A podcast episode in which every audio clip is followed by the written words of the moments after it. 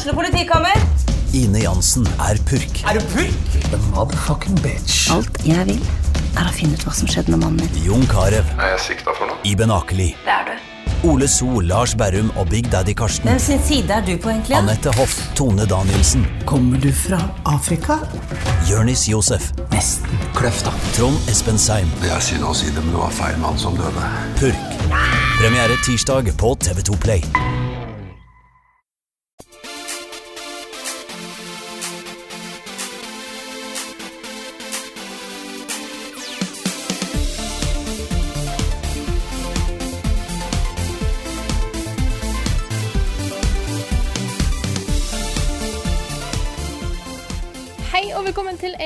Episode av podkasten Level Backup. Med meg Frida Danmo, og med meg har jeg tilbake fra ferie Karl Martin Hogsnes og Rune Fjell Olsen. Hallo, folkens.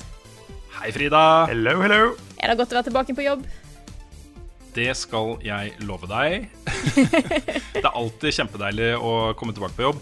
Det er innmari viktig å få liksom et par-tre uker uh, offline eh, på sommeren. Bare rett og slett for å lade batteriene og sånt. Det er, det er ganske Man blir sliten på en god måte, da, men man blir sliten av å spille konstant liksom hele dagen, hele kvelden. Spill, spill, spill, spill, spill hele året. Bare det å få en par-tre uker, koble av, lade batterier, være klar for en ny uh, giv, da. Det er innmari deilig. Så jeg er bare superklar nå for å jobbe.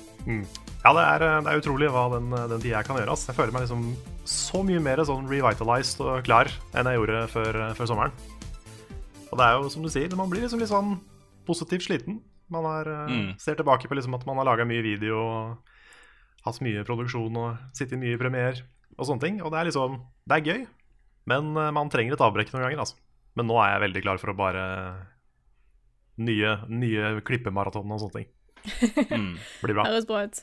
Ja, Det ble, til og med sånn for meg, det ble til og med sånn for meg nå i sommer at uh, når jeg hadde mulighet For jeg var en halvannen uke bare meg og sønnen min. eh, og da, da er det ganske rolig. Da har jeg liksom kveldene for meg selv og netten og alt mulig rart, liksom. Og kan gjøre akkurat hva jeg vil i den leiligheten her. Um, uh, ja, innenfor rimelighetens grenser. Det var ikke så mange bitches og parties, liksom. Men um, ja. Eh, men da valgte jeg Da valgte jeg liksom å prioritere film og TV-serier istedenfor spill. Rett og slett bare for å liksom tømme systemet litt for, eh, for eh, alle disse spillene. da. Eh, ja, det Ja. gjorde godt. Ok, ja, for sånn er ikke jeg, for jeg slutter ikke å spille i ferien. Men jeg, jeg slutter jo på en måte å spille analytisk, holdt på å si. Mm. Jeg Ja. spiller liksom bare for kos og tar ikke opp video og tenker ikke sånn hva jeg skal si om det og sånne ting. Så det blir på en måte en annen, annen måte å spille på, da. Hadde det vært et spill som jeg spiller fast på fritida eh, nå, liksom, uh, som det har vært de siste årene, så ville jeg selvfølgelig ha spilt, for da er det jo bare kos. Men nå var det liksom ingen spill som jeg følte at ok, dette har jeg sinnssykt lyst til å bruke tid på nå.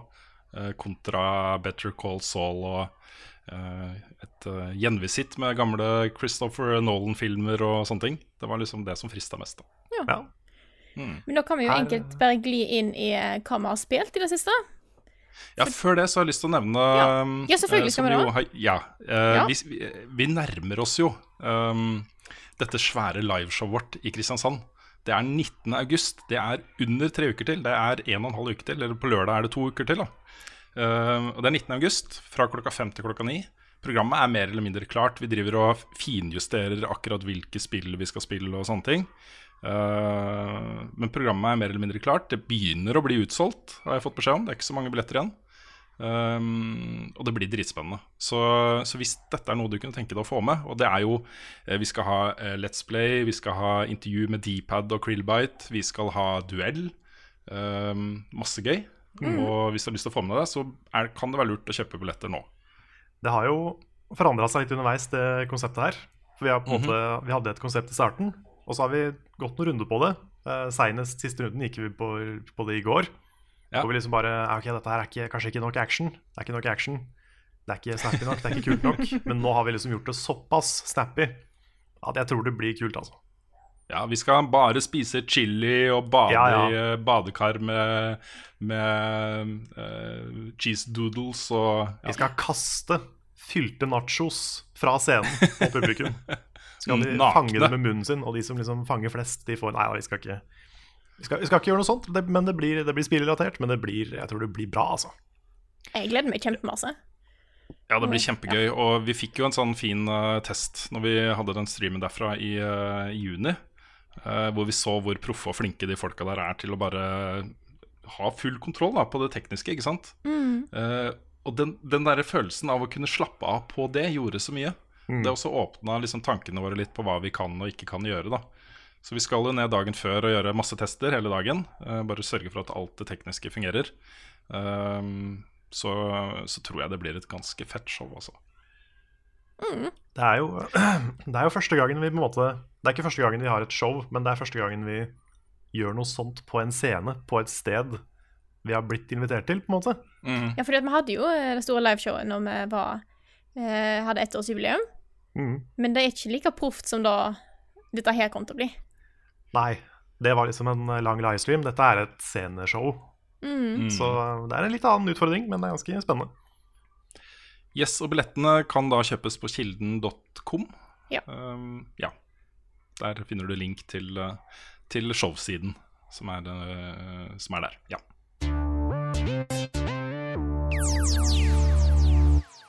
Men da kan vi begynne å snakke litt om hva vi har spilt i det siste. Det kan vi gjøre. Det kan vi gjøre. Og det er jo noen som eh, kanskje har spilt en eh, viss beta som kom ut i sommer. Ja, vet du hva, det her blir jo litt sånn uh, Apropos det jeg snakka om i stad.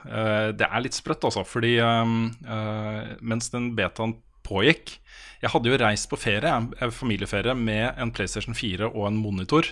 Bare sånn at jeg skulle få med den betaen. Det var egentlig først og fremst fordi jeg, hvis jeg ikke hadde spilt den betaen, så hadde jeg ikke fått det emblemet som kommer, ikke sant. og det hadde, vært, det hadde jeg ikke klart å akseptere. Så jeg ville få det emblemet. Uh, men så var det sånn at jeg og sønnen min tok litt alenetid hjemme i leiligheten. og da kunne jeg sitte og spille Destiny 2-betaen hele kvelden og halve natta hvis jeg ville. Men jeg gjorde ikke det. Jeg spilte liksom betaen. Jeg spilte uh, storymissionene og var litt på social spacen The Farm. den var jo åpen en time søndagen. Men jeg spilte ikke noe særlig mer enn det. Og det overraska meg litt. Jeg hadde liksom tenkt at det kommer jeg til å gjøre. Uh, men jeg tror jeg har liksom prøvd å analysere det litt i etterkant, og jeg tror at det var fordi jeg gleder meg sånn til lanseringen. Uh, til å sette meg ned liksom med hele spillet på lansering og bare pløye meg gjennom det. Um, og det er der fokuset ligger. Så det, det at jeg kunne sitte og liksom teste multiplayer og strike og sånne ting, det appellerte ikke så mye til meg som jeg trodde det skulle gjøre. Så nei, jeg har ikke spilt så mye Destiny 2-beta. Nei. Men uh, ja, det var ingenting der i hvert fall som gjorde at uh, jeg ble mindre gira av det jeg spilte.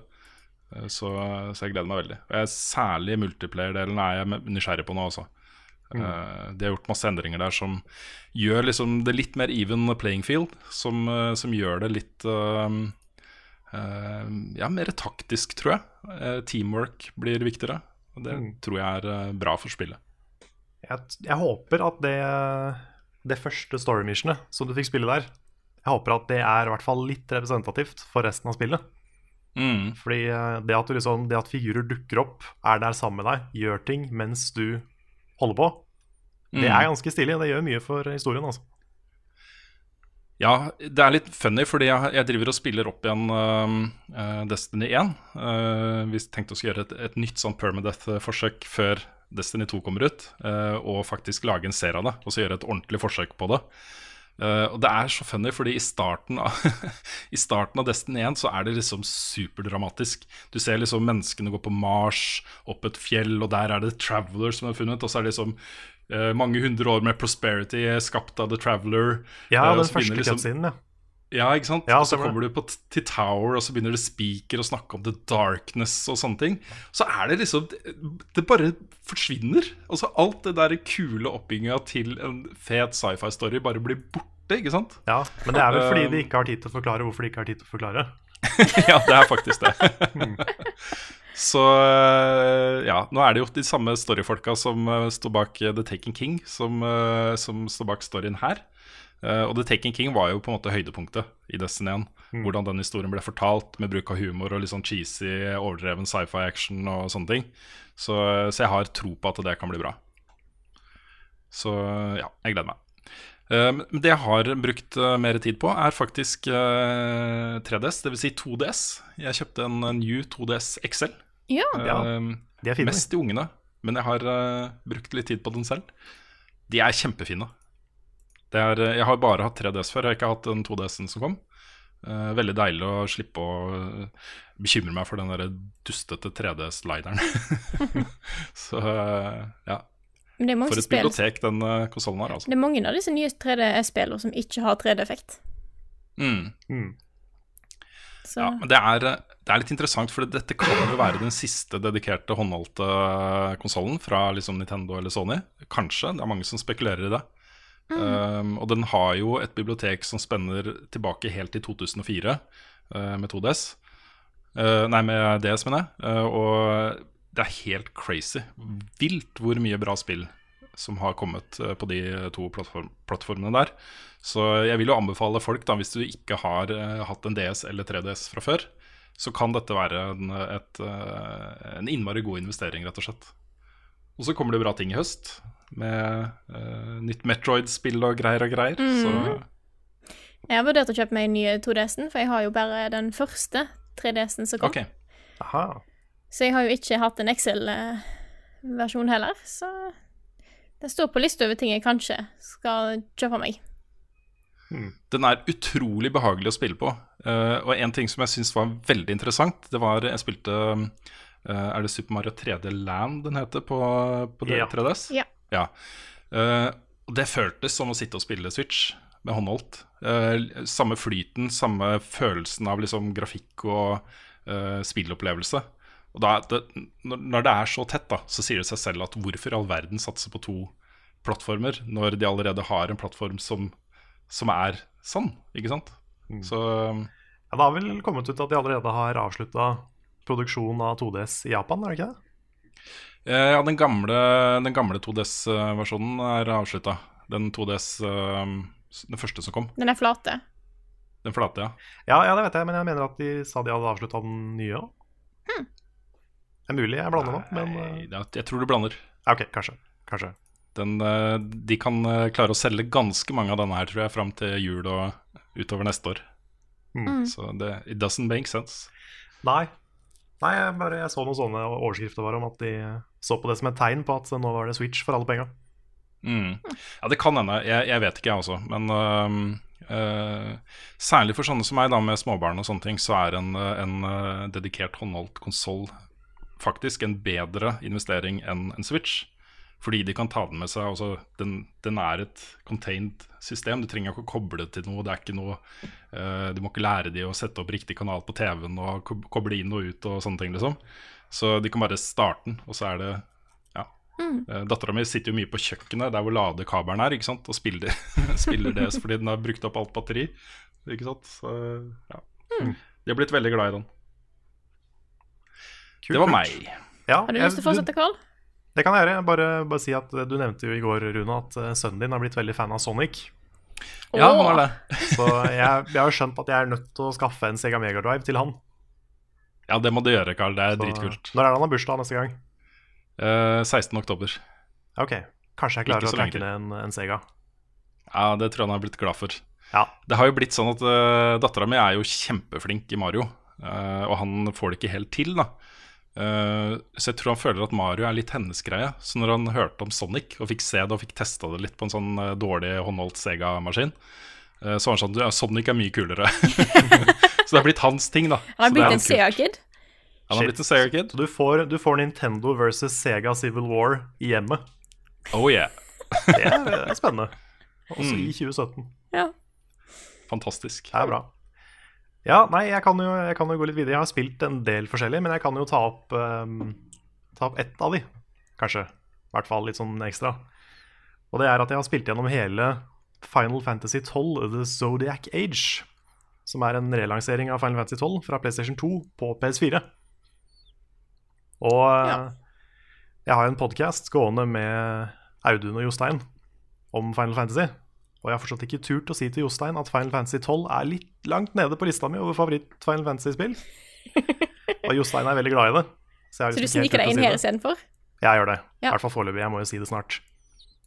Men uh, Men jeg syns den nye versjonen her har vært uh, veldig mye bedre enn jeg huska at spillet var. Så det har vært litt kult å oppdage, oppdage det på nytt.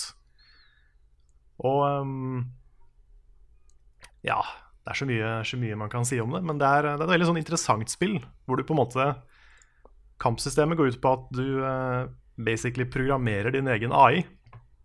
Hvor du, du sier at liksom uh, Figurene kan styres ganske automatisk, men du setter inn hva de skal prioritere å gjøre. da. Så hvis du kan sette for eksempel, hvis HP-en din er mindre enn 50% så bruker den personen cure. Og hvis, uh, hvis det er fiende som har fullt liv, så kan du stjele fra fienden. ikke sant, sånne ting. For å, få, for å få items. Og det er litt stilig at du på en måte du slipper å micromanage de som du ikke styrer direkte. da. Og du kan micromanage, eller du kan sette auto på alle tre, så du egentlig bare kan sitte der og se på at de gjør det du ber dem om. Så gøy, da. Så innmari, innmari morsomt og interaktivt. Ja, men det er det. Det er liksom, altså, I utgangspunktet så virker det ikke som det er det, men det er litt kult å se at måte det du har planlagt, skjer. For du må jo inn og. Bestemme hva de skal gjøre, ikke sant? For det er mer sånn Mm, du forhåndsstrategigreier. Ja. Litt mer Kan du sitte og høre på podkaster og Ja, ja. og Det har jeg gjort. Jeg har sittet Ja. og hørt på podcaster mens jeg har spilt. Jeg trodde du skulle si at du hadde strikka, skjønner du. Ja, nei, det har jeg ikke gjort. Nei, ok. Kunne, kunne godt gjort det hvis jeg hadde kunnet strikke. Men, um, men en feature som er helt amazing i denne versjonen her, er at du kan speede opp spillet fire ganger. Altså du kan spille spillet i fire ganger hastighet. Og det er så deilig. Fordi alle delene av det spillet som er liksom litt kjedelige, litt grindy, tar lang tid, sånne lange, lange dungeons og sånne ting, det blir så mye lettere å deale med. Og eh, det er en feature som jeg håper dukker opp i flere spill. Altså. Bare den muligheten til å spille noe i, eh, i holdt på å si fast motion. Det er vel et ganske tydelig tegn på at uh, Square Enix uh, uh, mener kanskje spillet er litt langdrygt. Ja, kanskje. Bitte lite grann. eh? Men det er mange spill som hadde godt av det. altså. Se for deg liksom å bare å farme i Destiny i fire ganger hastighet. Ja. Det er jo praktisk. Mm. Så jeg er for at liksom flere spill eh, tester ut det. altså. I hvert fall hvis det er mulig. Det er sikkert ikke så lett, for, det er sikkert ikke så lett å rendre eh, moderne spill i fire ganger speed, men eh, hvis det er mulig, så er det en kul ting. Og I tillegg så er det et nytt eh, progresjonssystem og litt sånne ting som er litt kulere enn det, enn det forrige. Så de har gjort mye med det spillet altså, for å gjøre det mye mer ålreit å, å spille. Du kunne ha kalt uh, featuren for uh, 4G. Fi- 4K, Åh, der har du den. Get on it, designers. yes. Men det er én ting som jeg har et problem med i det spillet, og som jeg fortsatt har et problem med. Og det er hovedpersonen. Fordi eh, Det er litt sånn vanskelig å forklare det hvis ikke man har spilt det, men hvis du ser for deg Star Wars Fordi historien er veldig lik Star Wars. Med liksom Evil Empire, og det er en prinsesse som skal få tilbake landet sitt, og det er veldig mye sånne ting. Og se for deg at liksom du har du har Luke, og du har Han Solo, og du har Princess Leia og alle de der som har sin historie og sin personlige reise, liksom. Det er mye av det som gjør Star Wars bra, at de har sine personlige, kule reiser, ikke sant? Eh, men se for deg at liksom George Lucas ser på Star Wars, de første tre filmene, altså fire, fem og seks, og sier at eh, nei, her er det ikke noen figur som appellerer til kidsa. Eller til de litt som unge, da de som er under 20. Så vi lager en ny hovedperson. Og hans historie er at han ønsker seg en ball.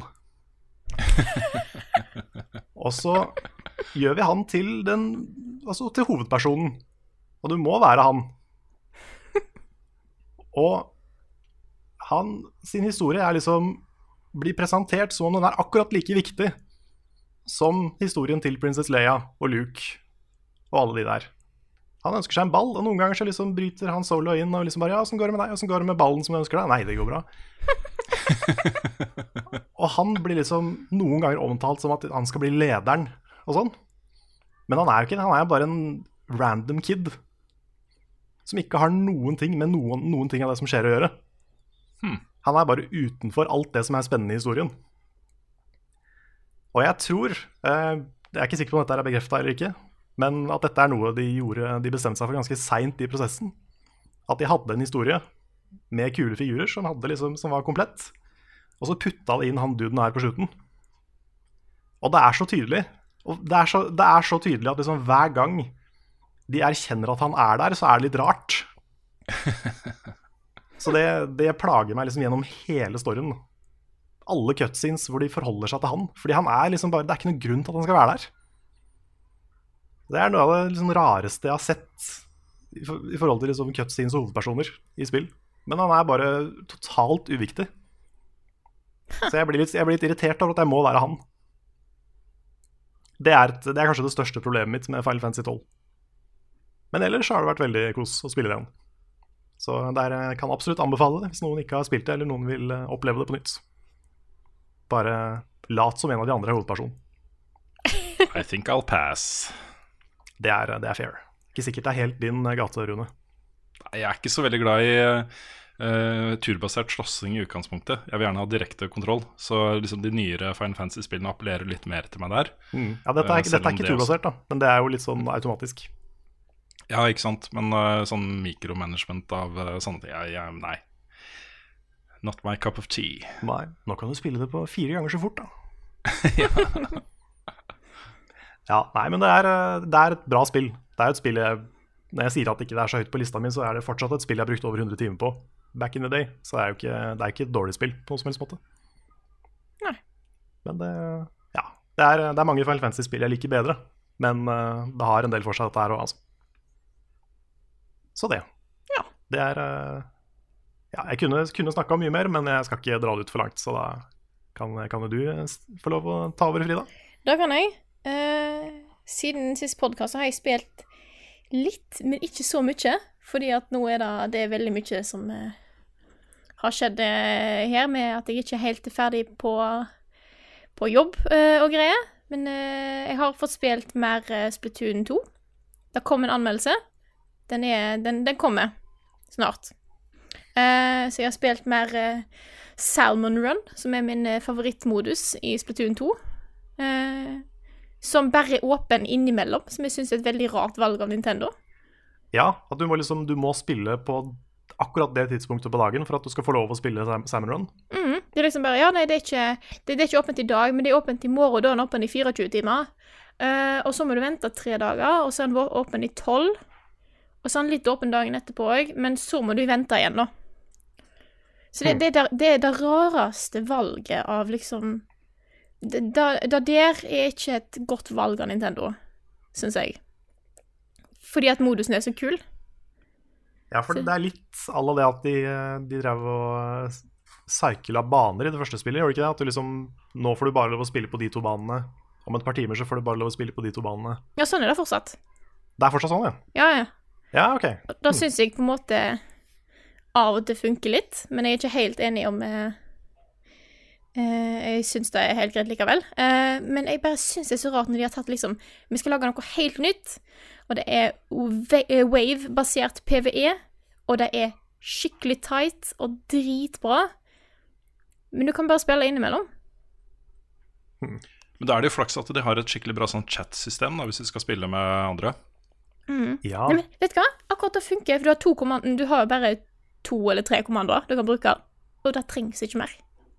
Ok, Så du sitter ikke og snakker med folk og setter opp uh, mobiltelefonen og Nei, det? og Nei, for du må jo da, for, for de som ikke har fått det med seg, så kan du jo ha in game uh, voice chat. Du må bare ha det på telefonen.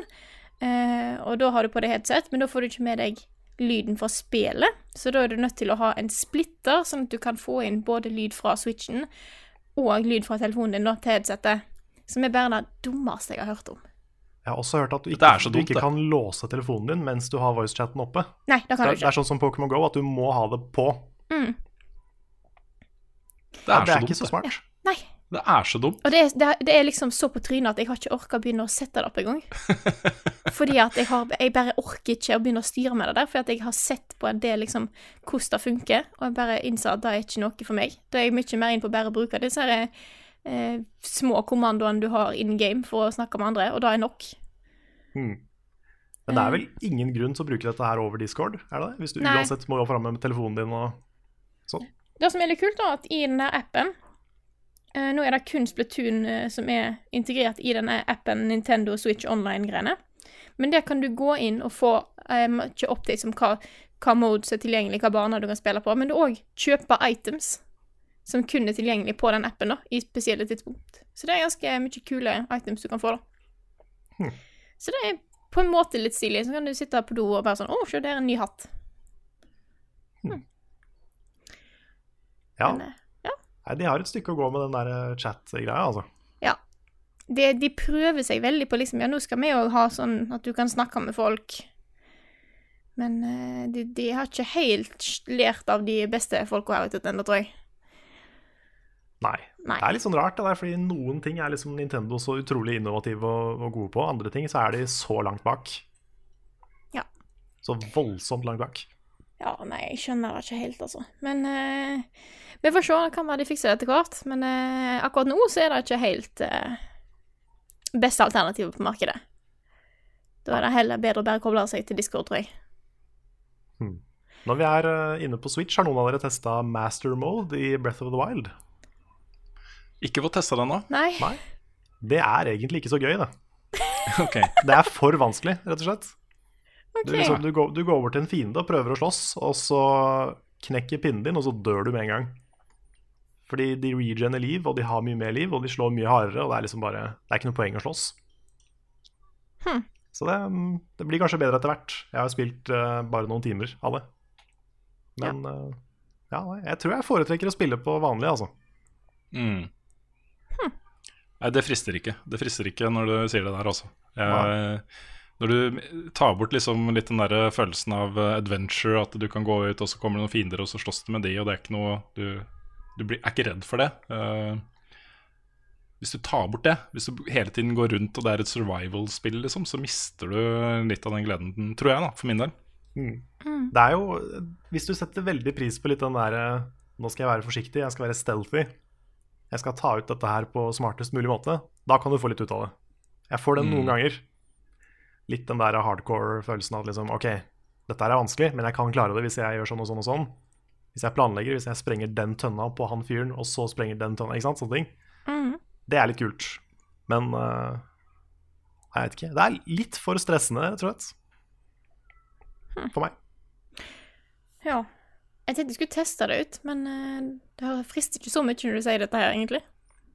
Nei, det er, det er gøy å teste det. Jeg vet ikke om jeg kommer til å Det vil si, jeg kommer nesten garantert ikke til å spille igjennom. Men uh, kan, jeg kan anbefale å bare se på det hvis du først har kjøpt DLC-en. Men jeg har jo spilt noe annet den siste tida. Som det kom ut annet en liten video om i går fra dere. Eller det blir i forgårs for de som hører på på fredag. Eh, for jeg har jo begynt på The Walking Dead av Telltale. Det er så kult at dere gjør en eh, serie av det, også en Film i tull-serie, du og Nick og eh, Lars. Ja, det er litt interessant, for jeg har jo aldri spilt et Telltale-spill før. Å nei. Eh, nei, faktisk ikke. nei, det er kult. Fordi at jeg har ikke helt eh, Siden jeg ikke har, s- på en måte har noe kjennskap til The Walking Dead, så har jeg ikke satt meg ned med det. Eh, og så har jeg bare aldri tenkt at liksom Er dette en spilltype Altså spillsjanger for meg? En så på en måte interaktiv historie, da. Men eh, jeg syns det er dritkult. Nå spilte vi Vi ligger heldigvis litt foran, eh, så vi har spilt vel inn episode to i går. Og jeg eh, gleder meg til å kunne sette meg ned eh, og spille mer, for de er kjempebra. Nå er jo dette Jeg gleder meg til å se den serien. Ja, det det, det, er liksom, det er interessant når det er et spill som kom ut for såpass lenge siden, som jeg bare Mm. ikke har fått med meg før nå. Men jeg, jeg syns at eh, Jeg er så imponert over liksom hvor lett jeg setter meg inn i karakterene. Og tenker altså OK, jeg har lyst til å gjøre et valg liksom som er basert på hvordan jeg vil interaktere eh, Altså eh, interacte med de andre karakterene. Og liksom, jeg vil ikke skuffe den personen, jeg vil helst være på lag med den personen, og alt dette her. Og det blir gjort så godt. Det er ikke noe kunstig, syns jeg. Nei, sant. Det som jeg syns er kult med at både du og Lars spiller for første gang, det er jo det at det er veldig valgbasert. Så jeg håper jo at dere tar totalt forskjellige valg. Det kan bli en kul eh, serie. Ja. Jeg skal ikke si noe om eh, hva valg vi har tatt, eh, siden eh, folk forventer med å se episodene når de kommer ut. Men eh, det er litt stilig der, der, siden vi er to. Mm. Det er liksom da å eh, forklare hvorfor en gjorde de ulike valgene en gjorde, og se litt hvordan hvordan er ulik, og hvordan velger å gjøre ting ulikt. da. Det er ganske stilig.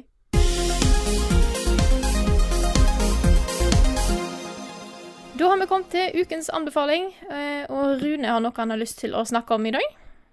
Ja, fordi eh, det er jo sånn um, Det å gå på kino er jo ikke så Altså, man prioriterer ikke det kanskje like mye som i gamle dager, hvor man da kanskje måtte vente i to-tre måneder før det kom på DVD og sånne ting. Nå har man jo uh, iTunes og streaming og alt mulig rart, liksom.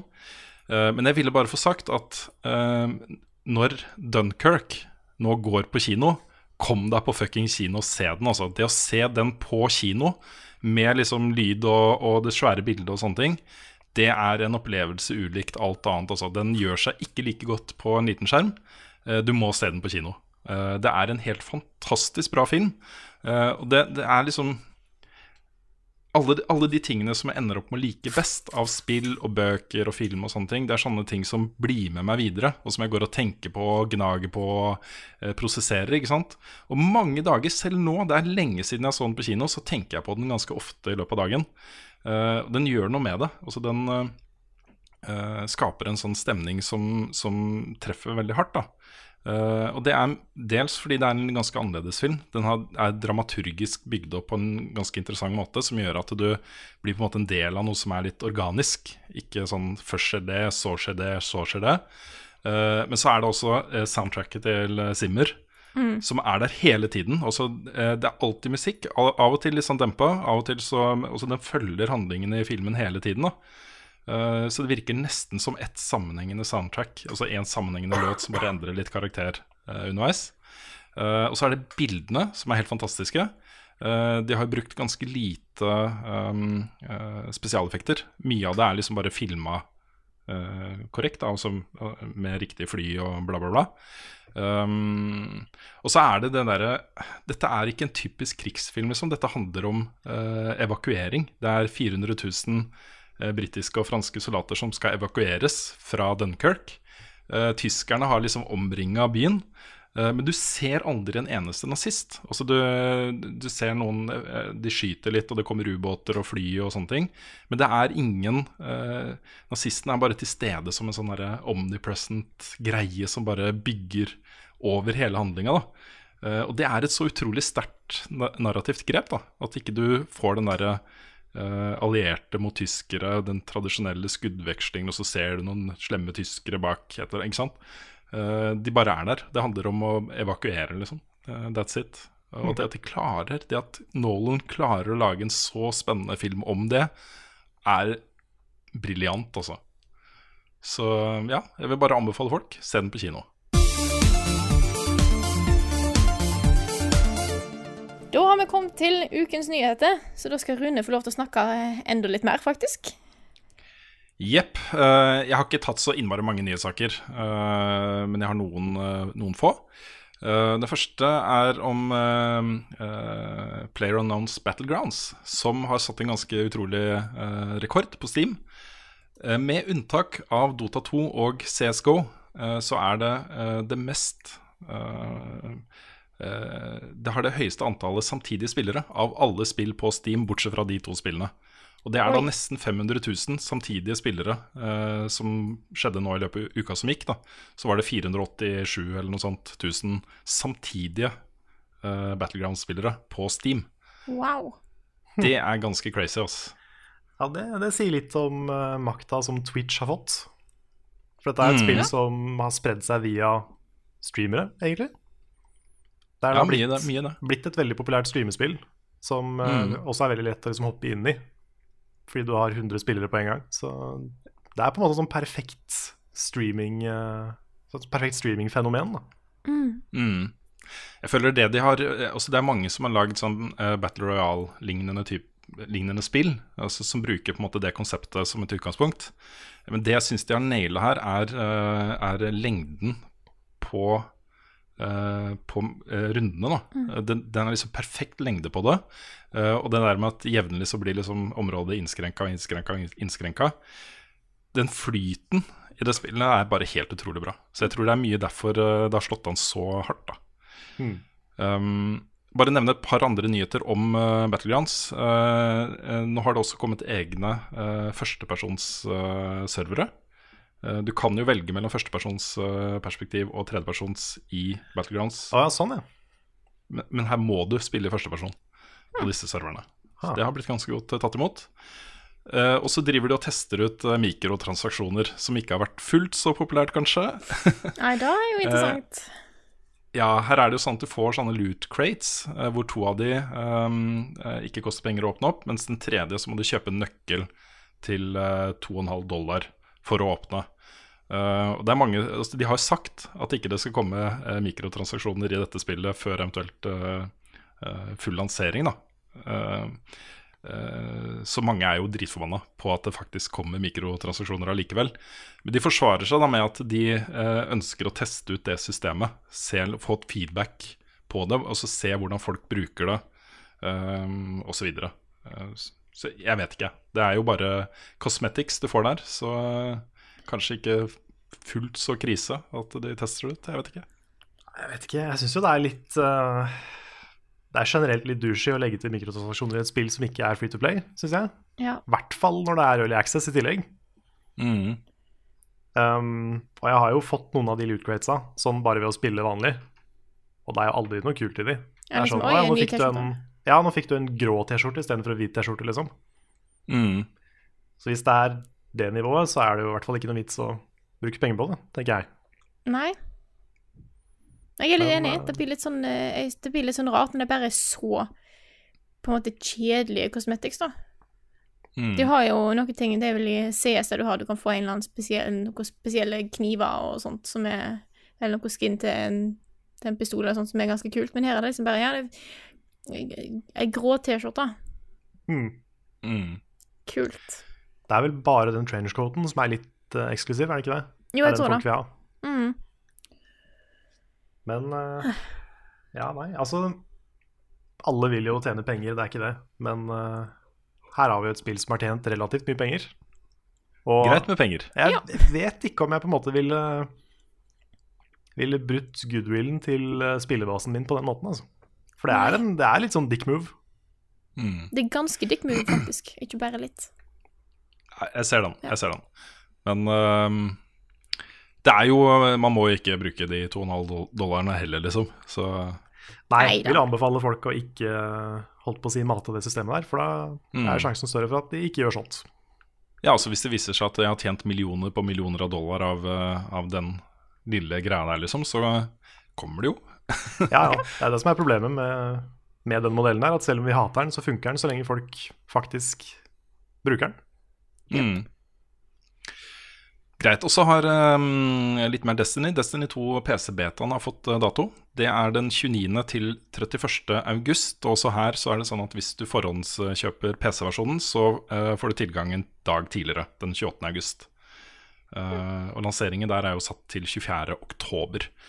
Det er litt spennende å se hva som skjer med PC-versjonen, altså fordi det kommer nok sannsynligvis til å utvikle seg til å bli et ganske separat miljø fra konsollversjonene. Eh, jeg tror f.eks. at hvis eh, eh, Destiny 2 noen gang vil bli en e-sport, så er det større sannsynlighet for at det skjer på PC enn på konsoll. Mm. så jeg er, jeg er litt spent på å se hvor hardcore det miljøet faktisk blir da, på PC. Mm. Så ja, så vet jeg det er mange som eh, foretrekker å spille på PC, og som alltid har tenkt at de har hatt lyst til å teste Destiny, men ikke gidder å kjøpe en PlayStation eh, eller Xbox for å gjøre det. Så eh, det her blir jo første muligheten til mange, da, å oppleve den briljante spilldesignet til Bungie der. Tror du campaignen er rebalansert på PC? Vanskeligere, liksom? Ja, de har snakka om det, skjønner du, fordi um, um, på konsoll så har de jo um, ganske, ganske heavy rekyl på våpen, f.eks. Um, de har gjort en del endringer der for å uh, ta høyde for at folk bruker mus og tastatur. Um, så de, de har gjort en del justeringer som, uh, som gjør at det ligner mer på tradisjonelle PC-spill. Så um, jeg tipper at vanskelighetsgraden også blir skrudd noe opp, for at du får mer presisjon, rett og slett. Ja. ja, for altså, jeg har aldri vært noen hardcore skytespillmann, men jeg merker jo det med en gang hvor mye lettere det er å få headshots på PC, f.eks. Mm. Ja, det er bare pang, pang, pang. Ja, det er, kjempe, altså, det er kjempeforskjell. Mm. Det er mulig du kan bli så god på konsoll at det ikke er så stor forskjell, men uh, jeg vet ikke. Det er f- forskjell uansett om du er i- altså den verdens beste håndkontroll-skytespillspiller uh, vil ikke ha kjangs mot verdens beste mus- og tastaturspiller i en head-to-head-kamp. Helt uh, sjanseløs. For meg så er den presisjonen du får med i datamus, uh, er beyond det jeg kan få til noen gang på kontroller. Så Mm. Når det er sagt, da, så er jeg, så er jeg litt imponert over måten Destiny har løst det på. Fordi det er et konsoll-FPS jeg klarer å spille, Mm. og gjør det OK i, liksom. Så noe riktig har de gjort der. Der er jo Bungie verdens beste. Det å få et eh, skytespill til å flyte så bra. Uh, også rent teknikken bak det, liksom. Det er makeløs. Og det har det jo vært lenge, helt siden eh, Halo-dagene. Veldig gode til, uh, til å tilpasse skytespillopplevelse til håndkontroller. Altså. Hmm. Og så er det annonsa tre nye Persona-spill, Karl. Ja, og Frida, du er jo også inne Ja. i Persona nå. Eh, lite man vet om det første, og det mest interessante av det, det er Persona Q2 til 3DS. Man vet ingenting om det, men eh, det kommer. Ja. Um, dette er en oppfølger til Persona Q, som Mm. var, um, som var en sånn dungeon, craw- dungeon crawler-type greie. Med sånne veldig små, søte chibi-versjoner av figurer fra Persona 3 og 4. Så jeg vet ikke om det er et liksom stort, viktig spill, men det er eh, fanservice da for, eh, for fans. Mm. Og så vet jeg jo du, Carl, eh, som er så glad i Persona, du har brukt mye tid på disse danse, dansespillene basert på Persona også. Det er kommer bare- to nye av dem. Det er bare det jeg gjør, faktisk. Ja, ikke sant? Er Persona 3 hjemme og danse. Dancing Ja, ikke sant? Persona 3 Dancing Moon Night kommer. Persona 5 Dancing Star Night. Begge til PS4 og Vita. Riktig. Har du, har du testa noen av de dansespillene? det Nei, jeg har ikke det. Jeg, Jeg, jeg, så, jeg så Persona 4, for det, det første dansespillet var Persona 4. Det var vel Mhm. Dancing All Night, tror jeg. Det het. Um, ifølge Jostein i Rad Crew så var det kult. Jeg har ikke testa det sjøl, men uh, de spilla Det er jo basically litt sånn Just Dance-opplegg, tror jeg. Jeg har ikke fått med meg så mye om hvordan du uh, blir god i de og sånn. Om du faktisk må danse, eller om det på en måte er mer sånn rytmeopplegg, da. Men er det liksom men, med, med k- altså Kinect, holdt jeg på å si, men ikke den. PlayStation-kameragreiene? Jeg tror ikke det. Jeg- kan egentlig ingenting om de. Nei.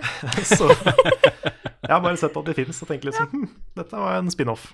Men jeg har ikke, har ikke satt meg så mye inn i de. Men det er kult at det kommer mer. Det er jo bare å melke Persona 5 nå. Og så kommer det jo en Persona 5-anime. Ja, det gjør det også. Mhm. Det er spennende. Jeg syns den Persona 4-animeen de lagde, var uh, bra-ish. Den var ikke like bra som spillet, men, eh, men det er vanskelig.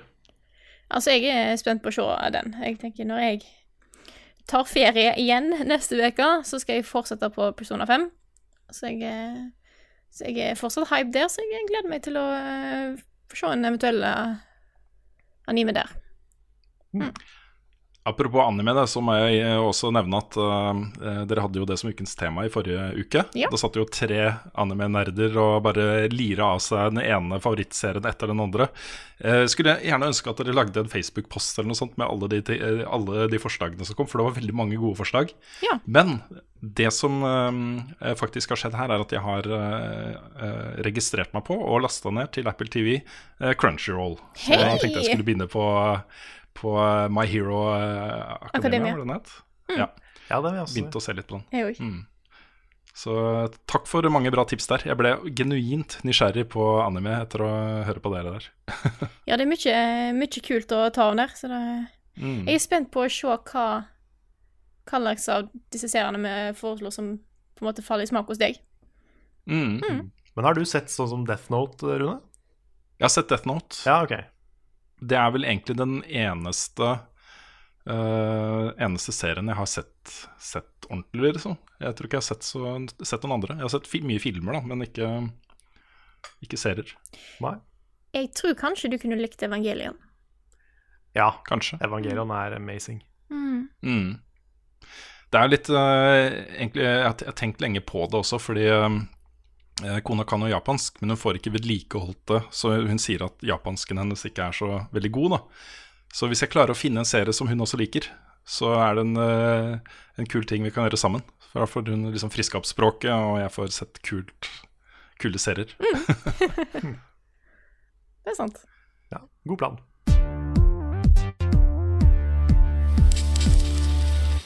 Da skal vi gjøre en liten twist her i podkasten, fordi at eh, mm, tidligere i vår så starta vi med, med ukens tema. Men nå har vi heller tenkt uh, å gjøre noe annet, så nå skal vi ha Istedenfor ukens tema, så skal vi ha ukens spørsmål. Yes! Sånn at vi kan gå Eh, litt grunn- Ja. Forklar Ja, du. Grunnen til at vi gjør den endringen er rett og slett eh, todelt. Det ene er at vi ofte ble sittende liksom rett før vi skulle spille inn podkast. Hva skal vi ha som ukens tema denne gangen? Så det ble en litt sånn slitsom spalte for oss å lage. Vi hadde ikke tid til å forberede den kanskje så godt som vi burde. Uh, så da tenkte vi at ok, istedenfor å gjøre det, da, så kan vi la uh, lytterne få lov til å bestemme hva som er ukens tema. Så folk kan ha det litt i bakhodet nå. Vi er jo da på jakt etter spørsmål som kanskje det er mulig å diskutere litt utover bare hva er favorittpizzaen deres, liksom? Eller hva med ananas på pizza? Det kunne jo for så vidt vært ukens tema, da. Men vi kommer da hver uke til å velge ut ett spørsmål som blir ukens spørsmål. Um, ikke noe annen eh, heder og ære enn at du eh, får æren av å ha ukens eh, spørsmål foreløpig. Vi har ikke Ja, det er på en måte æren av å ha stilt det mest interessante spørsmålet, føler vi, da. Ja. mm, Som vi føler at vi kan diskutere i en I hvert fall i et segment. Så det er Mm. pres prestisjetungt ansvar, dette her, folkens. Absolutt. Oh, yeah. Det kan du putte på CV-en hvis du har fått ukens tema i Mm. Level Up-podkasten. Absolutt. Så dagens eh, heldige ukens eh, spørsmålvinner, holdt jeg på å si, er Jon Magnus Restad på Patrion, som skriver Hei og god sommer. Kan dere gi en kort gjennomgang av de største spelnyhetene som venter oss nå tidlig høst Nei, høst og tidlig vinter? Tror dere andre halvår slår første halvår hva interessante spill angår? Um, eh, det siste jeg, Nei. Nei. det tror Nei. jeg ikke. Det har vært så innmari bra start på året. Mm. Det, er, Men, det er eh, et potensial der, med liksom Mario Odyssey og en del sånne ting. Mm. Men eh, i hvert fall for min del, da. Det er jo ofte sånn at uh, våren er veldig meg-sesong, og høsten er veldig Rune-sesong. Sånn i forhold til Mm. hva slags spill som pleier å komme ut. Og jeg har hatt en helt amazing vår med så mye bra som har kommet. Jeg har ikke hatt tid til å spille alt det jeg har hatt lyst til å spille engang. Mm. Nei, samme her. Så jeg tror ikke høsten slår våren for meg. Men det er jo litt spennende, da, for nå er det jo både Mario Odyssey, to Sonic-spill, Xenoblade Men eh, vi kan vel kanskje gå litt mer systematisk gjennom den, bare å ramse opp litt ting? Ja, jeg har, jeg har egentlig bare gått litt gjennom uh, utgivelsesplaner og uh, lagd en, en liten gjennomgang. Dette er jo litt basert på hva jeg gleder meg til. Uh, jeg har uh, Jeg må jo nevne også, Det kommer jo alltid et FIFA, nytt Fifa-spill og NHL og Madden og sånne ting liksom, som kommer hver høst. Det er jo mange som gleder seg mer til Fifa eh, 18 enn noe annet, og jeg respekterer det. Um, men det, er, det, det kommer en del interessante spill, så lista er liksom delvis uh, mindre eller større indiespill, og delvis svære spill. Vi går litt kjapt gjennom. Uh, Det første jeg vil nevne, er jo uh, at det allerede har kommet to av høstens mest interessante spill. Kommet nå denne uka her. Uh, Det er Tacoma, som er det nye spillet til Gone Home-utviklerne. Eh, Og så er det The Long eh, Dark, som jo har gjort det kjempebra i Early Access, og, og som nå endelig har fått storydelen. Det er de to første kapitlene i storydelen som er ute. Så, så det er kjempeinteressant, eh, egentlig. Um, 15. august blir en interessant dag. Da kommer både Sonic Mania, uh, Undertale kommer til PS4. Uh, Nidhogg 2 lanseres 15. august, og et spill som heter Tokyo 42, som også ser eh, kjempe, kjempespennende ut. Og så er det da eh, 22. august, Uncharted The Lost Legacy. En expansion, men et standalone uh, storyspill basert på uh, grafikkmotoren til eh, Uncharted 4. 29. august, Absolver. Har dere sett noe på det? Det er et sånt slåssespill. Jeg har, jeg har sett litt av det. Jeg klarer ikke helt å plassere det nå. Men Nei, eh, ikke heller, men jeg syns jeg kan huske at jeg har sett noe om det. Det er liksom kung fu-varianten av eh, For Honor, Hvor du eh, bygger din egen fighter og lærer den opp til liksom, spesielle fighting moves og sånne ting. Og så er du ute i en stor verden og skal slåss mot andre. Det har en singleplayer-campaign, men det er, hoveddelen her vil liksom være kamper mot andre. Da. Jeg tenker dette er et perfekt eh, Nick-spill. Jeg har lyst til å se hvordan han gjør det i uh, Absolver. Det ser kjempestilig ut. Um, samme dag kommer også uh, Mario pluss Rabbits. Ja, Ah, ja, da gleder jeg meg til. det gleder jeg meg veldig til. Mm. Det er da 29. august. Og så bare et par dager etterpå, 31. august, Life is Strange Before the Storm. Yeah. Som jo er en veldig interessant utgivelse. Mm. Det er første episode av det da, ikke sant? Mm. 5. september, dagen alle har eh, gledet Ja, Ja, Før du hopper videre nå, så er det òg et spill som jeg gleder meg litt til, som kommer 31. august, som faktisk Level Up Community gjorde meg oppmerksom på. Og det er et okay. spill som heter The, Last Day of June, som er basert på et, et prog metal-album til en artist som heter Steven Wilson. jaha. Og det er, det er lagd i litt sånn der stop motion-dukke-animasjonsstil. Ser litt kult ut. Det er en artist jeg er veldig glad i, som lager veldig sånn eh, følelsesmessig eh, prog-musikk. Så da er faktisk et spill som jeg er spent på å se eh, Mm. hvordan det blir. For han har en del kule historier i sangene sine. Så da er min lille, lille ukjente tittel som jeg eh, ser litt fram til. Tøft, tøft.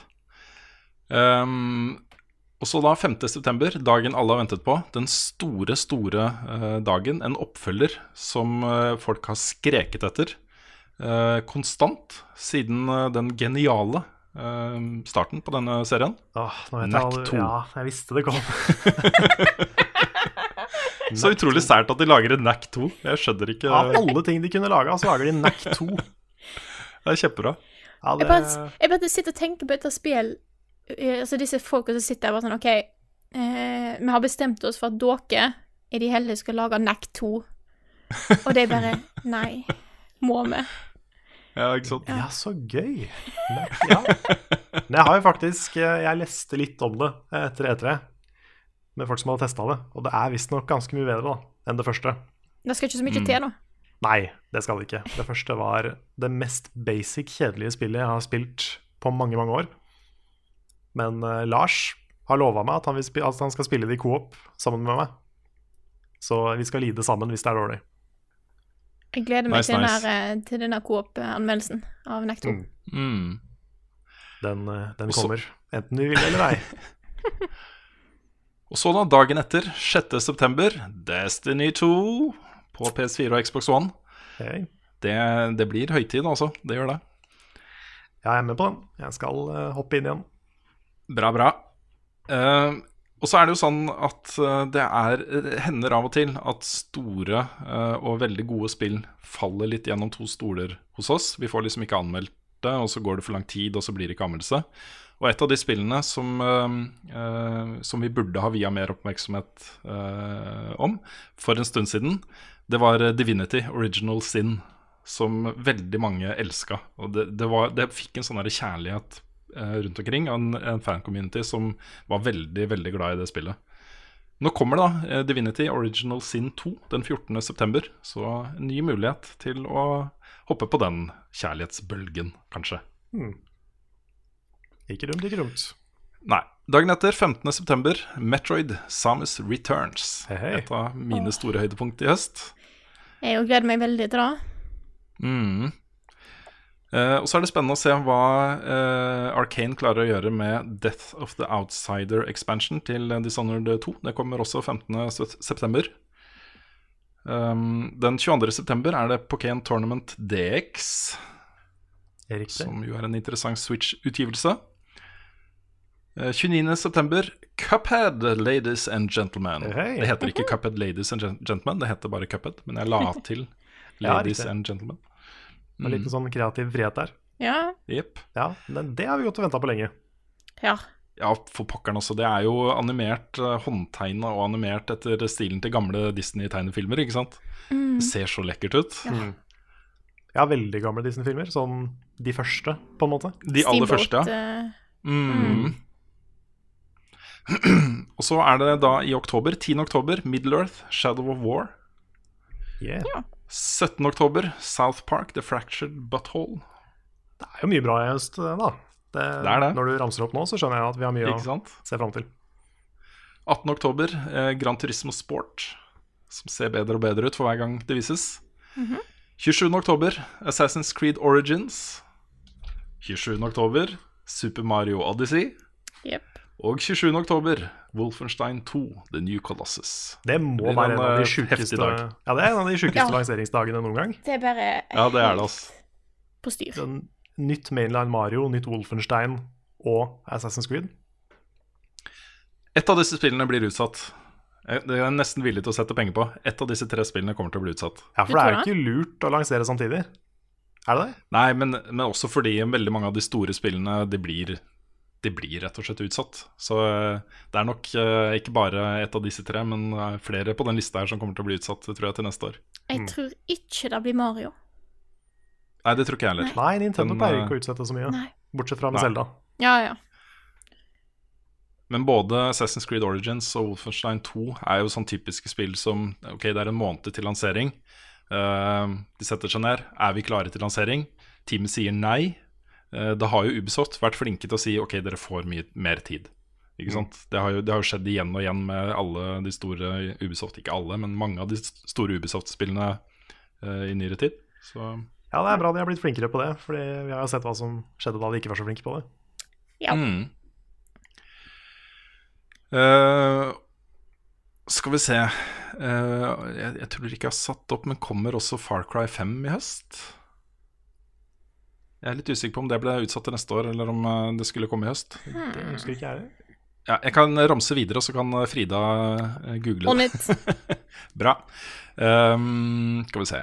Vi er i november. 3. november, Call of Duty World War 2. 7. november, Crackdown 3. Uh, 10. november, Need for Speed Payback. Uh, skal vi se 16. november, Star Wars Battlefront 2. Eh, 17. november, Pokémon Ultra, Sun and Moon. Ja. Og så i november eh, Det er et annet spill også som jeg ikke fant en dato på. Eh, eh, Forsa 7. Det tror jeg også kommer i øst. Ja, riktig. Ja. Fant du noe på Far Cry 5, Frida? ja, da har lanseringsdato 27.2.2018. 2018, ja. Eh, Forsa 7 tror jeg kommer i høst, men at de ikke har fått dato. Det er jeg litt usikker på. Det, er, det som er tingen er at Man henter jo informasjon fra forskjellige sider her, og det er ingen av de som er 100 oppdaterte. Som har fått med seg absolutt alle dataene på alle spillene. ikke sant? Nei, Eh, release dates er vanskelig. et Ja. kjapt søk sier 3. oktober. Ja, nettopp. Eh, Det er jo et eh, spill jeg gleder meg enormt til. Det var et av de spillene jeg kicka mest på under årets eh, E3. Eller så er det jo Eh. spill som Eller har du mer på lista? Jeg har flere. Ja, Jeg bare eh, tar resten. Eh, Vampyr kommer i november. Det er jo det nye spillet til de som lagde Life is Strange. Så Ja, det er litt interessant å se hva de uh, gjør next. Et actionspill, veldig annen sjanger. Ja. Mm. Sonic Forces kommer i høst. Yep. Hva tror du, Carl? Nei, jeg er først og fremst spent. Det er jo, det er jo en oppfølger til Sonic Generations, som er det Mhm. kanskje beste 3D Sonic-spillet.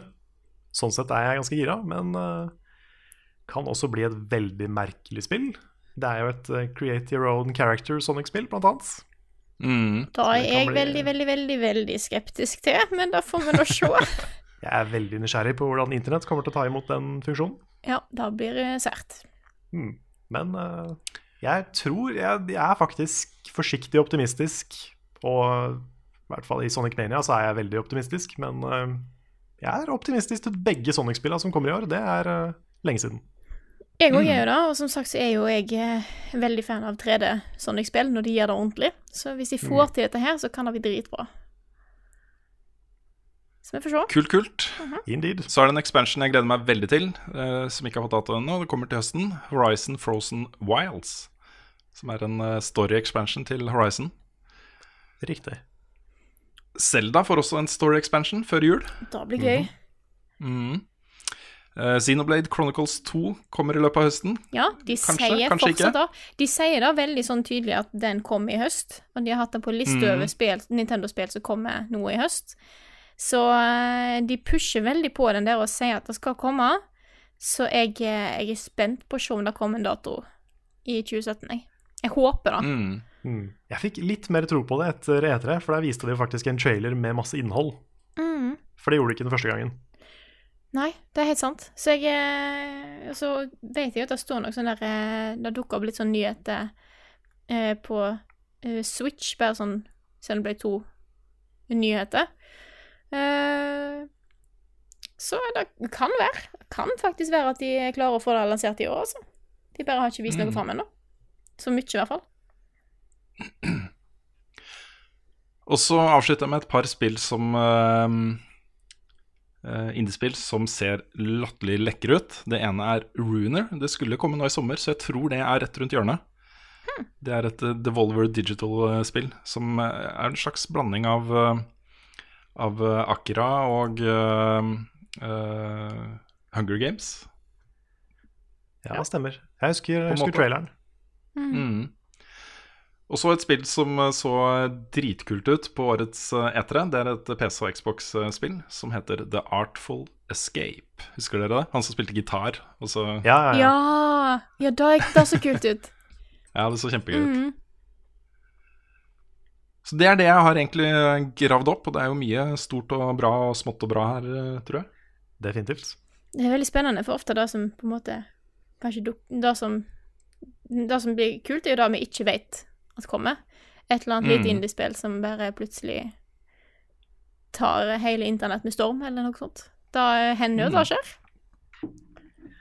Absolutt. Så Kan jeg Det er litt, litt off topic, men kan jeg nevne noe som, som skjedde i sommer? ja. Fordi det var en eh, sånn messe som het uh, D23 Expo, der det ble vist en ny trailer for Kingdom Hearts 3 med release-år. Hvor det Ja. ble bekrefta, hvis man skal tro på det, da, at det faktisk kommer i 2018. Og de viste um, en ganske lang demo av Toy Story. En Toy Story-verden. Da så jeg du ble litt glad. Jeg ble litt glad. Det, det er penere enn Toy Story. Det er noe av det vakreste jeg har sett, liksom, i et spill. Det er, eh, det er rett og slett Uansett hvor interessert du er i Kingdom Hearts, se den traileren, liksom. Det er helt amazing. Det er, det er en Pixar-film når når de kommer inn der. Det er utrolig kult. Så uh, anbefales. Har du Sweet. trua på at 2018 er et uh... Jeg har jo egentlig ikke det. Jeg har blitt, blitt brent for mange ganger på sånne ting, så jeg tror ikke på de, men håper. Så lenge det er ferdig når det kommer, så er det greit. Hvis vi skal velge ett spill da fra i høst som vi gleder oss aller mest til Jeg har lyst til å si Mario Odyssey. Det er nok Mario Odyssey for meg òg. Ja. mm. Kanskje på delt førsteplass med Wolfenstein. Eh, Ja, for meg er det selvfølgelig Destiny 2. Ja, det- Eh, Men hvis man skal i, unntatt det, da, så er det nok Metroid. Samus Returns. Ja. Det blir, eh, det blir, spennende, det blir en spennende spillhøst, eh, folkens. Mm, Det gjør det. Det har generelt vært et veldig bra år. Ja. det har det. Får se hvordan ja, får se hvordan resten av eh, 2017 eh, holder opp. Men skal vi da kanskje fortsette videre i spørsmål- og svarspalten? Det kan vi gjøre. Det gjør vi. Ja. Det, er ikke sikkert, det er ikke sikkert ukens spørsmål blir så langt hver gang, Nei. men, men nå vet dere i hvert fall hva det går ut på. Jeg bare tenkte det var en god anledning til å gjøre en liten preview for høsten. Mm. Ja, det er Um, første, første episode av ny podcast-sesong og alt mulig, så det er eh, bra, Mm. bra Ja, tidspunkt. Men da har jeg lyst til å begynne med et spørsmål her fra Erik Gjelde fra Patrion, som spør Fra tid til annen oppstår det store trender i spillbransjen som forsvinner like fort som de ble populære. For eksempel Pokémon Go, Buzz, Singstar, Guitar Hero og iToy. Er det noen trender dere savner? Har dere noen tanker om hva som kan bli den neste store trenden? Mm. Jeg hadde en periode nå rett før sommeren der jeg plutselig savna gitarhero. Ordentlig. Jeg holdt på å gå til innkjøp av eh, ny gitar, eh, spill til enten PlayStation 3 og PlayStation 4, og bare liksom få satt meg ned igjen med det. Men så visste jeg at jeg har noe Guitar Hero World Tour eh, her på Stord. Så jeg tenkte ja, jeg kan ta spillet når jeg kommer hjem. Nå har jeg bare ikke interessen for det. Så jeg hadde en sånn liten sånn en sånn Jeg savner et godt rytmespill. Og så Så da er kanskje noe jeg ville sett igjen, på en måte. Men eh, Ja, de har vel prøvd, har de ikke det, å relaunche en ny Guitar Hero-trend? ja, jeg likte ikke den nye gitaren. Synes Nei. var rar. Nei, den slo aldri helt an, den. Men savner dere Singstar, eller eh, sånne ting? Ikke, si Nei, ikke, ikke Singstar, kanskje. Men jeg, jeg har nevnt det før, men jeg savner, jeg savner den der eh, Den der tilhørigheten som kom når man spilte Pokémon Go. Mm. Det savner jeg. Det å gå, gå rundt i Oslo og møte folk som spiller og Det er hyggelig, jo. man begynner å prate med fremmede folk, og det syns jeg var veldig koselig.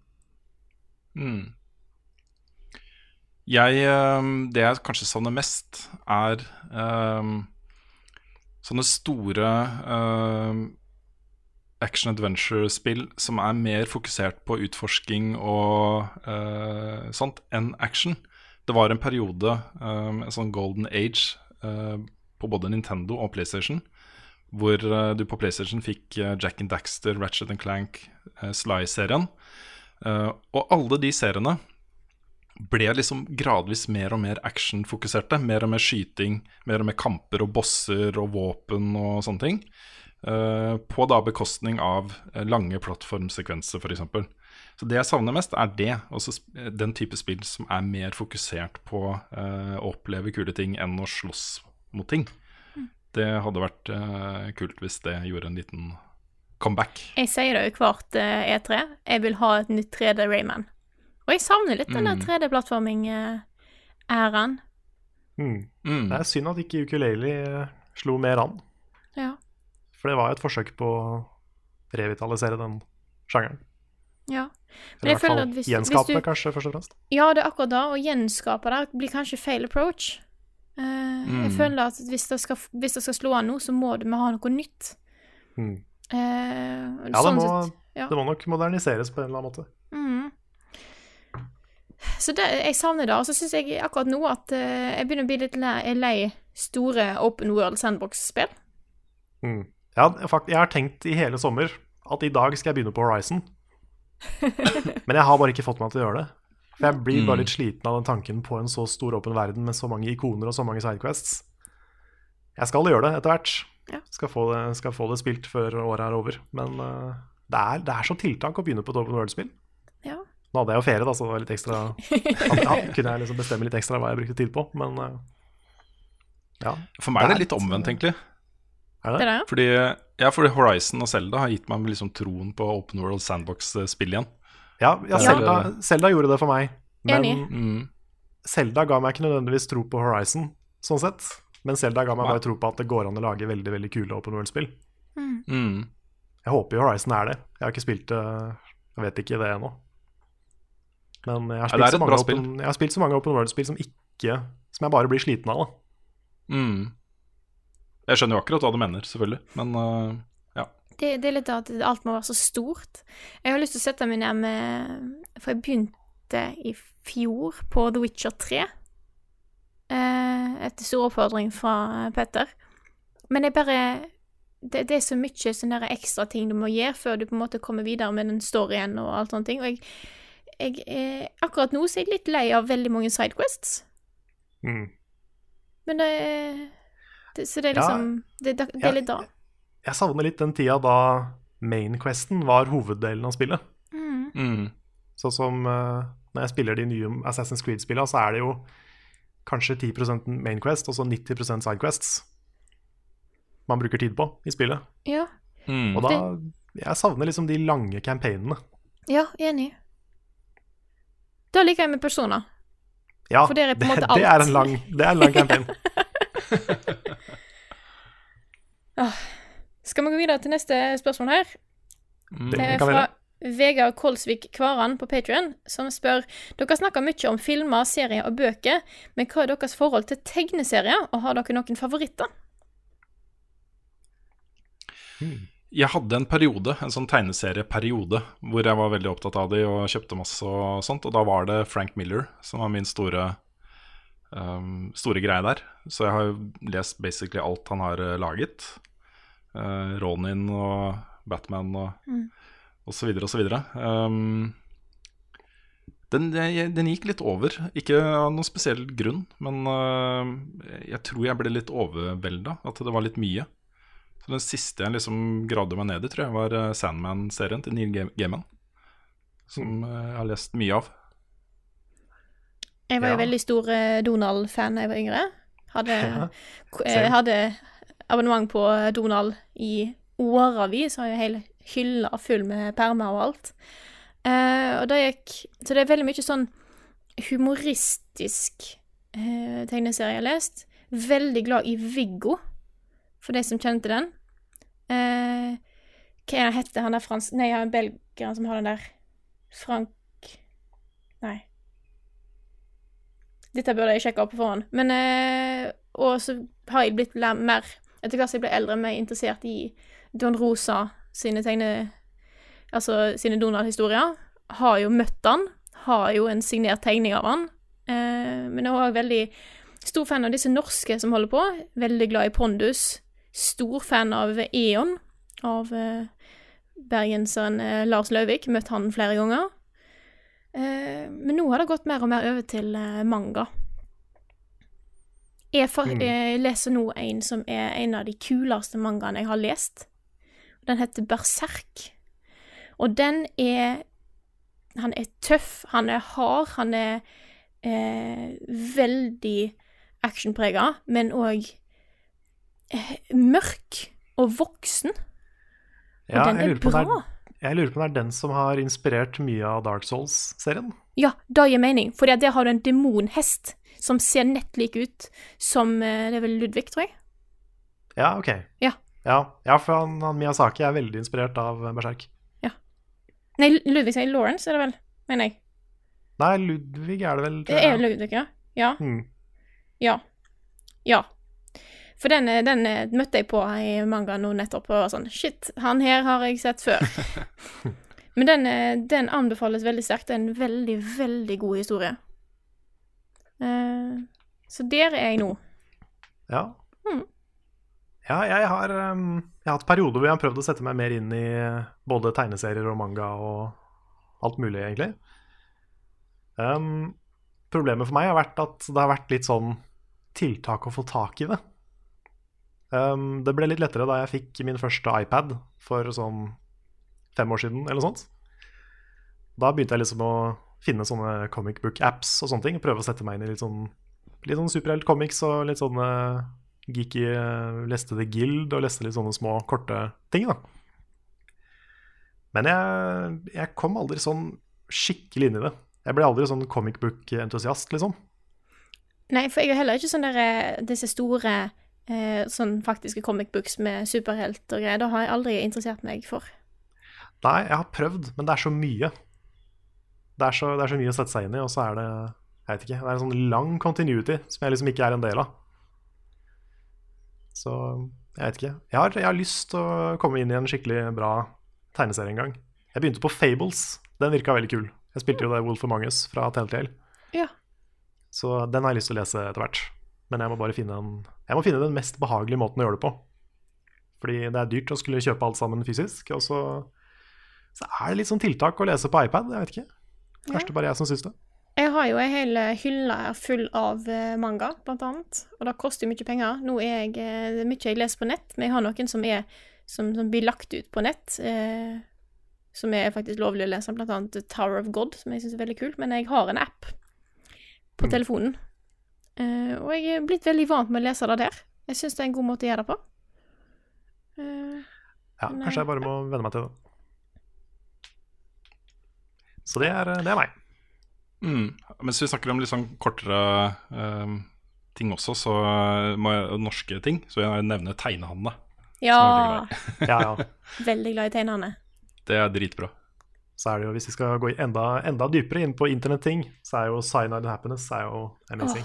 Det har jeg følt Åh, i så det er så bra, år. det. Mm. De bare fortsetter å levere bra ting, de. Ja, det gjør det.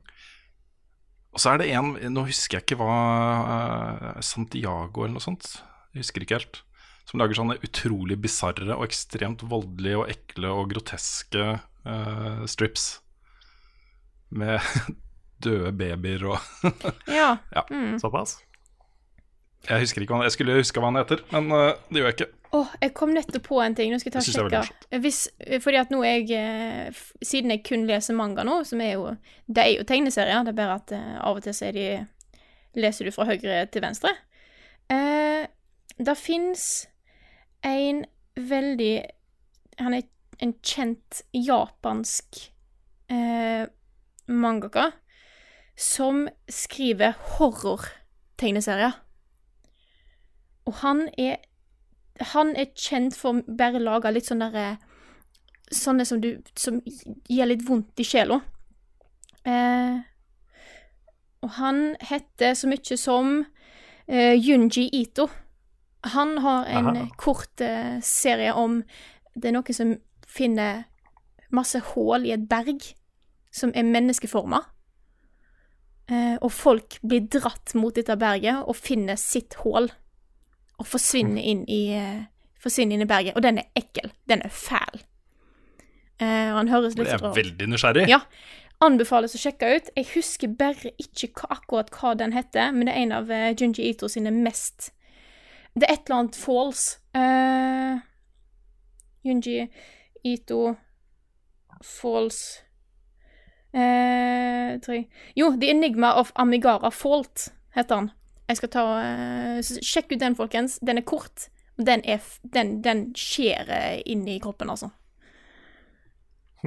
Fett. Så da er mitt eh, korte eh, manga-tegneserietips for dagen. Men vi kan vel hoppe videre til neste spørsmål her. Eh, og jeg ser at eh, det kan være at eh, det blir eh, siste spørsmål for dagen, men da ser vi litt. Eh, dette er fra Jeffrey jr. på Reddit, som skriver Hvis dere kunne glemt alt av minner om et spill, for så å spille igjen helt blankt, hva spill ville det vært, og hvorfor? Hmm. Hmm. Jeg er litt, eh, litt frista til å kanskje si Persona 5. Jeg har på en måte ikke Det er så mange spill jeg har spilt som har måte blitt bedre etter at jeg har spilt de. Derfor har jeg ikke lyst til å glemme de. Nei. Mens Persona var liksom bare gøy i 120 timer. Så eh, kunne gjerne fått liksom 120 sånne timer til.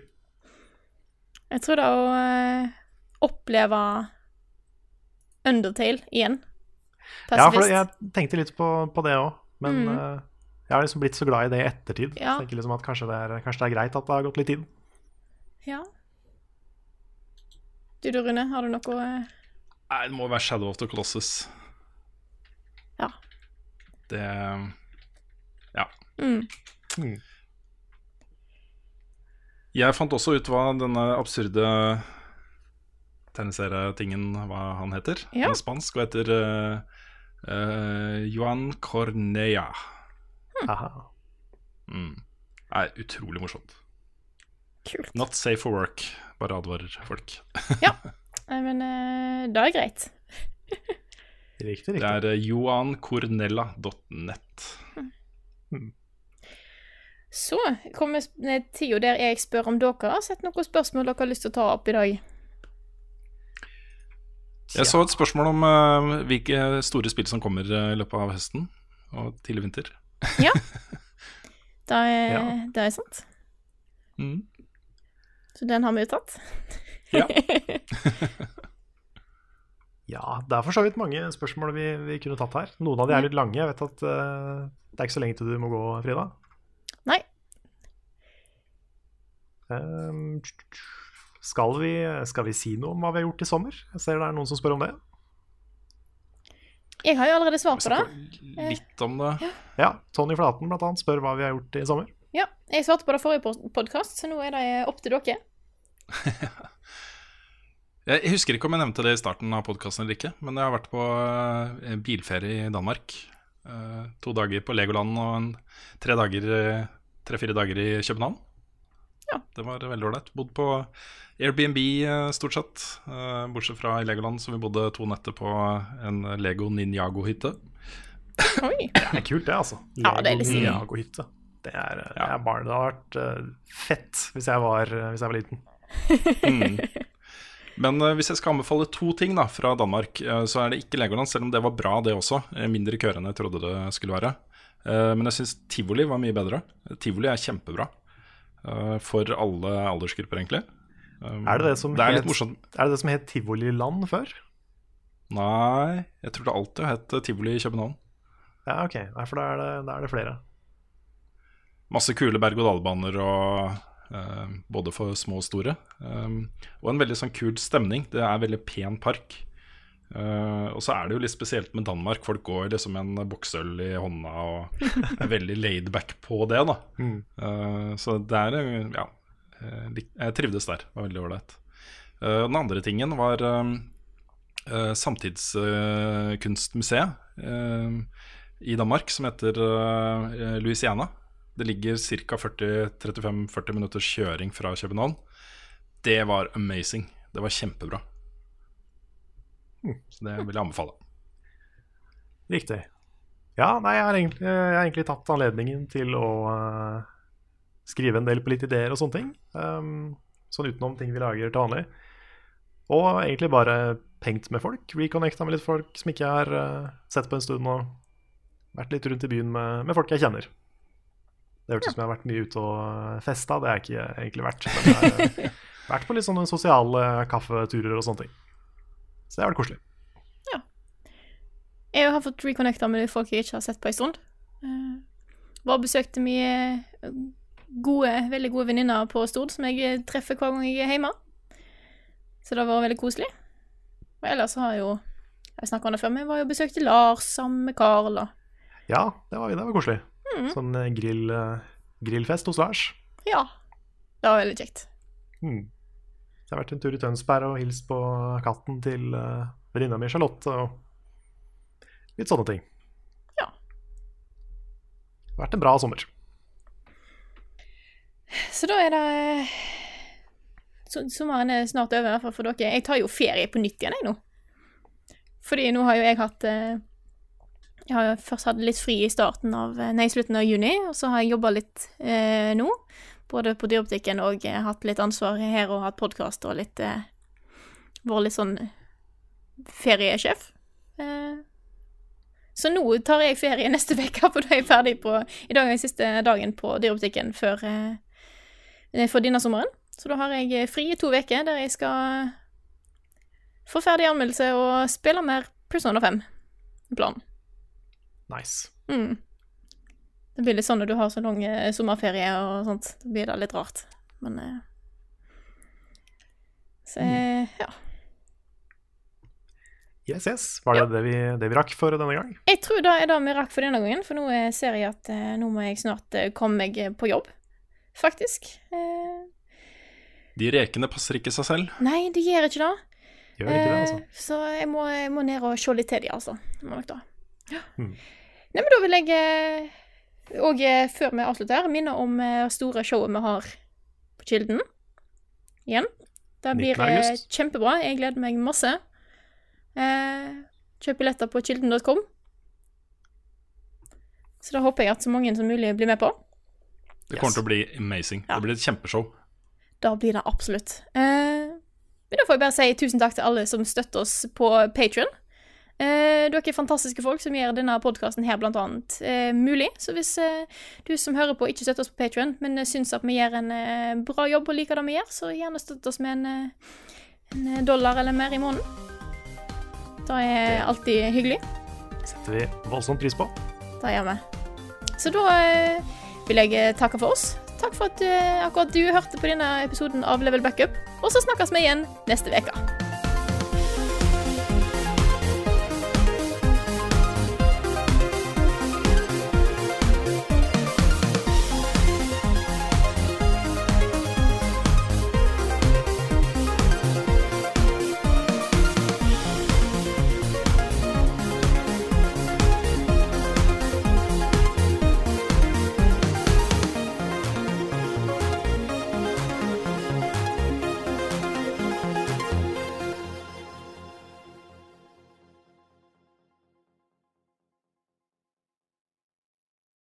Har du et enkeltpersonforetak eller en liten bedrift? Da er du sikkert lei av å høre meg snakke om hvor enkelt det er med kvitteringer og bilag i fiken, så vi eh, gir oss her, vi. Fordi vi liker enkelt. Fiken superenkelt regnskap.